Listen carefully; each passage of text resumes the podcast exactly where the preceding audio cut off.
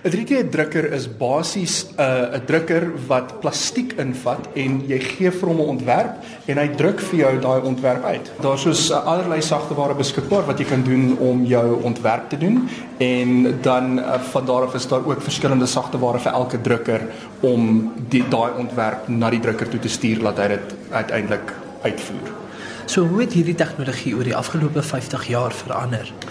Ongelooflik. Net selfs in die afgelope 5 jaar is daar 'n massiewe verandering gewees net in die toegang tot die tegnologie. Nou ewe skielik het ons sien ons mense wat ongelooflike uh toerusting self bou. Ons noem dit die maker beweging en hierdie ouens kry maniere om drukkers hulle self te laat druk. So op die manier kan jy drukkers aan almal maak vir goedkoop waar dit voorheen bitter duur was en bitter min mense toegang kon kry tot hierdie soort tegnologie. Watter soort materiaal word gebruik?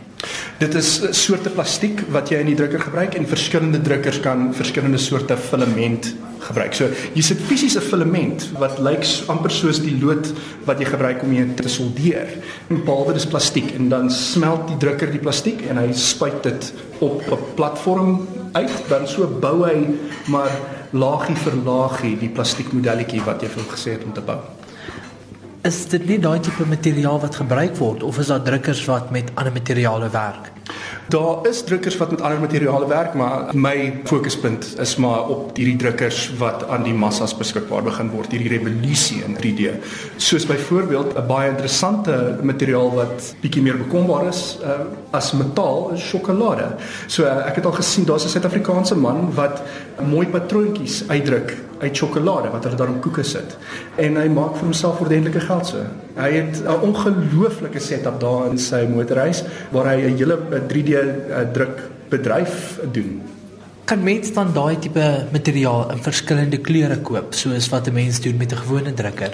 Ja, ja, uh, en uh, dit uh, natuurlik is waar die sagte ware inskop. Die oomblik wat jy met meer as een kleur druk, raak dit meer ingewikkeld want jy wil nie noodwendig die twee kleure moet meng nie. Dan moet jy sê waar hierdie laag weet groen of wat ook al moet ophou en waar die laag blou moet begin.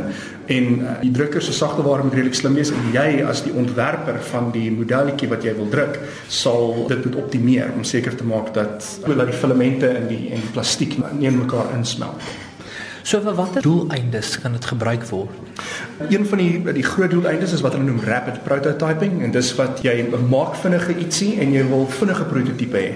Dan stuur jy dit aan jou drukker toe net om te kyk of jou idee werk.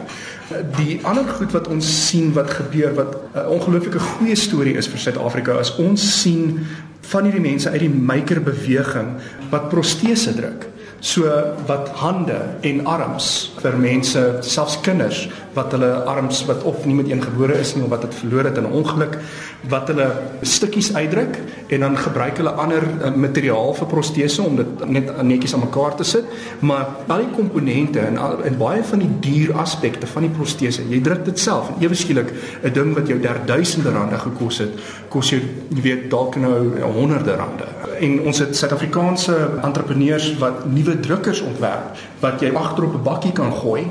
Jy ry met hom enige plek in rural Afrika rond en jy help mense daar wat hulle arms of of bene verloor het in haglike omstandighede om protese te kry.